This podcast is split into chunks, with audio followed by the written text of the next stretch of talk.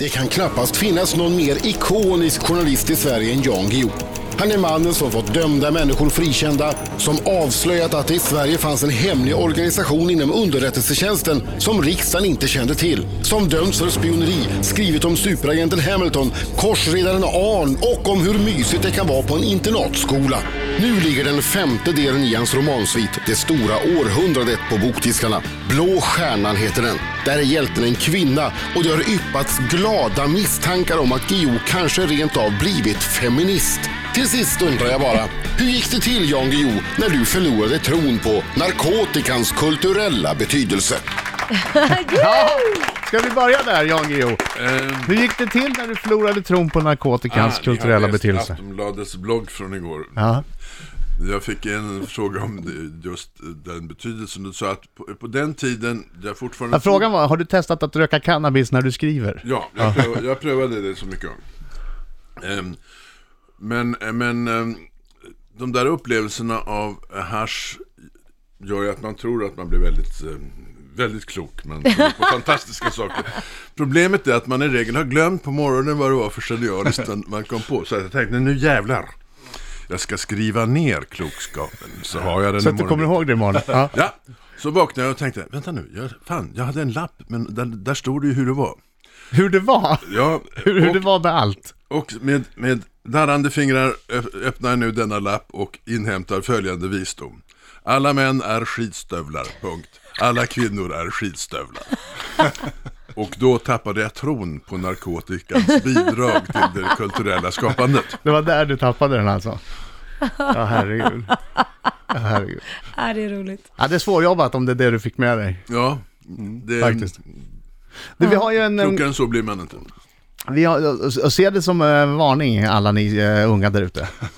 Alla män blir skitstövlar, alla kvinnor blir skitstövlar. Ja. Eh, vi har en fråga varje morgon. Eh, Idag var frågan, vilket är det konstigaste sättet du har blivit väckt på? Och då tänker jag så här, Jan Guillou har ju varit ute på äventyr i allra högsta grad och måste ha blivit väckt på väldigt underliga sätt. Ja, eh, eh, det var så, björnar i Sibirien, lejon i Afrika. Oj, Innan man, man sover ju ett tält i det, eh, oftast långt ute i naturen och innan man har vant sig vid att lejonen inte går in i ett tält eh, så är det lite hjärtat i halsgropen sådär när, när man hör de tunga stegen av tassar utanför och en stor kropp stryker sig mot tältet och går vidare. Nej, gud vad Åh, gud, läskigt. det är alltså en liten tältduk mellan dig och ett lejon. Ja, ja och då, då är ovan som man är då, i början så tycker man att det där är lite o, obehagligt. Några år senare så muttrar man bara kan inte hålla borta kattjävel, jag ska sova här mummer och vända på sig. Men de går alltså inte, de, de går, attackerar inte det här tältet nej. heller. Konstigt. Kör man inte en Alltså, vänta, vänta. då och bara blåser iväg ett skott? Eller, genom- nej, det, då, då tror jag man ställer till det. Ja. Då, då är risken större att ställa till det. Det är klart, de lejon som är är människoätare, eh, de kanske inte är förhandlingsbara på samma sätt. För de känner ju vittringen av att man sitter där inne och är de ute efter att äta människa just då så kanske inte så bra. Men Men finns det olika? Eh, Jag trodde alla lejon var människoätare på nej, något nej, sätt. det är de som äter människor ehm, är de, äld, eh, de äldre hanarna som blir utkastade från sin flock. De har några år när de får eh, göra nya små lejon med alla honorna. Ja. Och alla honorna jagar åt dem. Så att det är en eh, mycket angenäm till- tillvaro att vara lejon liksom sådär på toppen.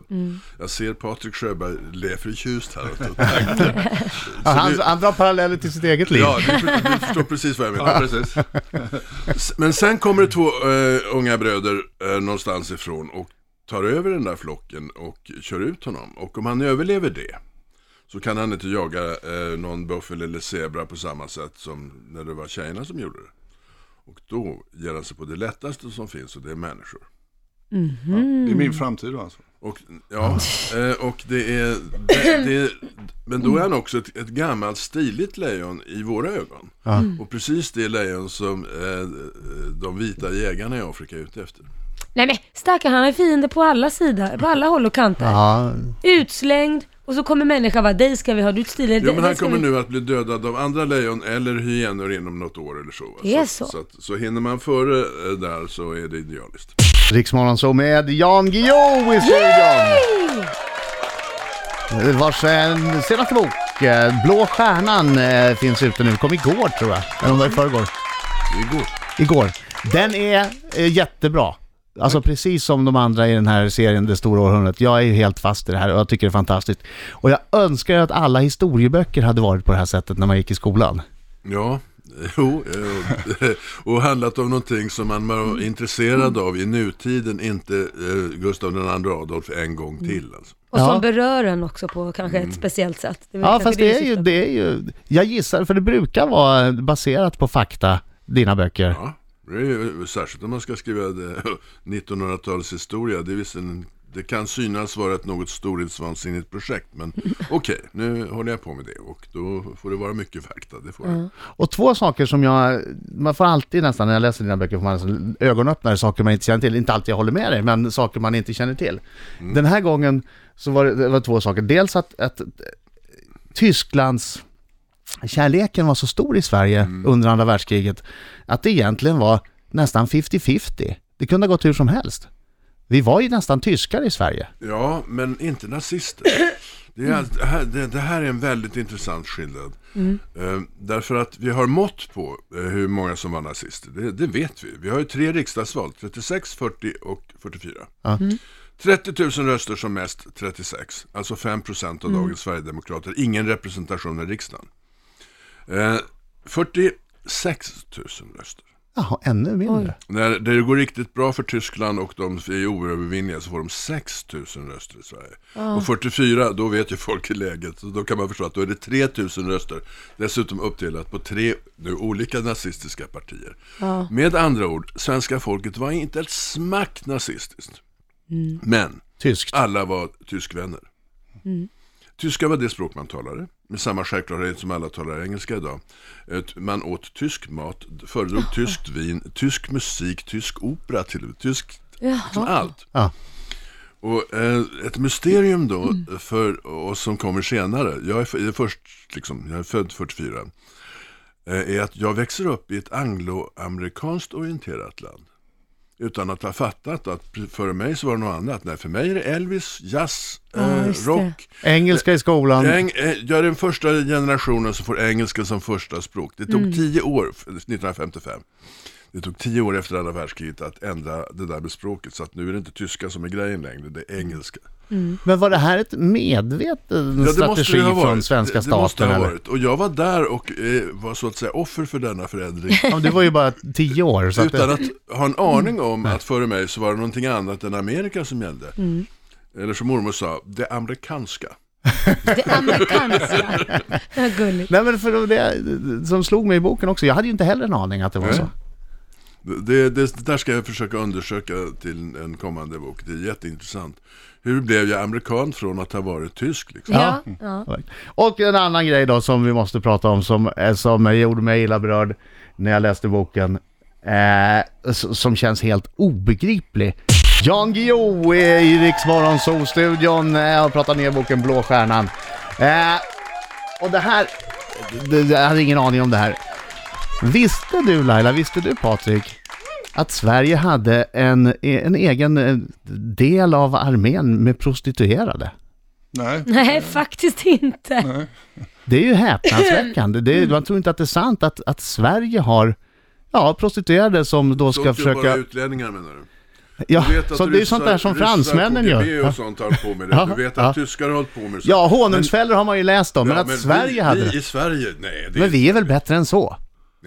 Nej. Tydligen inte. Men alltså det här, det borde ju ha varit en jätteskandal att det kom, förekom. Nej, det var Och de här, förlåt mig, de här eh, tjejerna då som rekryterades, de gjorde ju sin insats genom att då, eh, ja, ligga med... Eh, Och plocka av dem allt de överhuvudtaget kunde i form av information. Just det. Jaha, jag tror det var för egna armén. Eh, Ja, jo, men det är ju liksom, de arbetar för försvarsstabens eh, föregångare till IB, spioneriet, som då kallades C-byrån. Där fanns det en eh, major Ternberg, han hette Helmut för övrigt i förnamn, ett bra namn. som åkte runt och eh, förförde servitriser, sekreterare kanske någon enstaka gång och städerskor och sånt där och så att de blev förälskade, alltså precis som hallickar. Va? Och sen satte han in dem i eh, Sirenkompaniet, han kallar dem för våra sirener.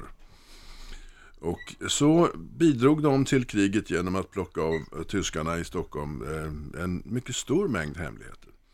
Så långt är historien rätt okej tycker jag. För det här är i krig och kärlek ni vet. Men sen kommer det jävliga. Eh, De får inga papper från försvarsstaben på vad de har gjort de senaste fem åren. Medan det går rykten om dem att de har varit ute och levt ett osedligt liv på stan. Vad de skulle ha var ju en svärdsorden-medalj åtminstone. Och ett papper från försvarsstaben och säga att Fröken Ulla-Britt Karlsson har under eh, kriget bidragit verksamt i rikets hemliga tjänst och vi rekommenderar henne starkt för anställning. Ja. Det skulle de haft va? Eller hur? Ja, det minsta de skulle ha haft. Minsta, och, och, och så ingenting. Bara utkastade på gatan som förbrukade horor. Och det är det skamliga i Ja. den här historien. Och det är ju det som gör, för- ja, ja, allting gjorde mig illa berörd, men det gjorde mig eh, Det finns illa en berörd bok om det som jag vill rekommendera. Jan Bergman, den kommer ut i pocket nu. Han har skrivit, hans mamma var med i det, i det här Sirenkompaniet. Så att han har en del inside information uppenbarligen. Och han har forskat. Den heter Sekreterarklubben. Vad så de kallade sig själva. Ja, de som kallar sig själva hö. Ja. Ja, det är, det är som jag, man, man lär sig så mycket av Ja, Jans jag böcker. vet, jag vet. Som man inte visste innan, plus att det är spännande. Eh, snart ska vi lära oss ännu mer, för nu ska Patrik eh, ha Patriks minut. Oj, oj, oj, Patrik blir skjutjärnsreporter, Mm. ja. Ja. Han tar på sig ditt gamla jobb. ja, jag har sett Patrik i en del eh, kända och mindre kända funktioner. Men det här är något nytt. Mina damer och herrar, här är Riks Morgonzoo! Fem i nio klockan, Riksmorgon så med Jan Guillou, du får en applåd till. Ja! Tackar, tackar. Jag vet att det kan bli för mycket applåder ibland, men det skiter jag i. Nu körde jag så. Nu, nu vart det som det vart. Nu vart det som det var. Och det är dags för Patriks minut.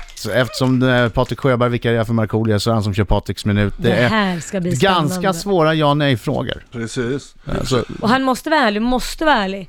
Mm, självklart. ja, för Jag Laila kommer är se. som en levande lögndetektor. Ja, Hon jag känner kommer se. direkt om du ljuger. Varsågod Patrik Sjöberg. Varsågod Jan Guillou. Då är det så här. Har du spelat tv-spel naken någon gång? Nej, Är det sant? Ja, det är sant. Jag tror inte... Du har spelat tv-spel. Eh, har du bett någon dra dig i fingret för att senare släppa en rö- rökare? nej, Säkert? ja, Okej, Det gör väl alla? Okej, nu kommer den. Skriver du bättre än Leif GW Persson? ja. Du var utan tvekan direkt. Ja. Har du tagit en springnota någon gång? Det- Nej, det kan jag inte tänka mig. Det kan jag inte tänka mig. Okej, hade du hellre förlorat rösten än din skrivhand? Ja, Mm, intressant.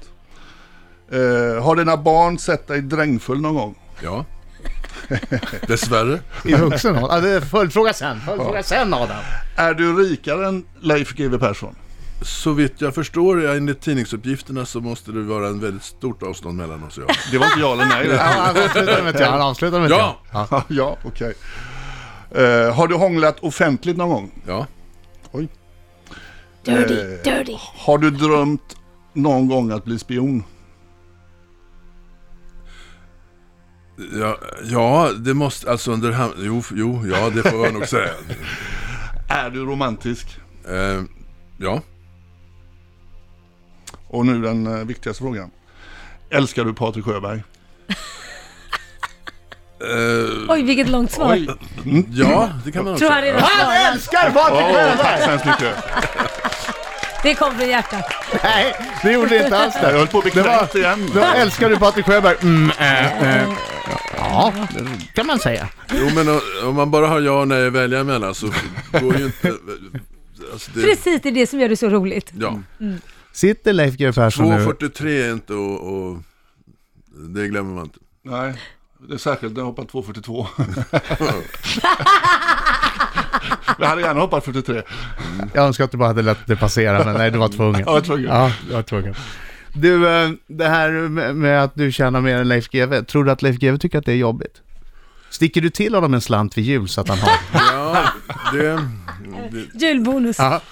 eh, Leif GW är en av eh, Sveriges absolut genom tiderna rikaste personer. Oh. Och då måste det ju vara jobbigt om någon ifrågasätter det. Ja. Så är det. Blå stjärnan heter Jan Guillous nya bok. Den är mycket, mycket bra. Eh, Jag rekommenderar den eh, till alla. Spännande, intressant och, och plus, som vanligt med Jans böcker, man lär sig grejer.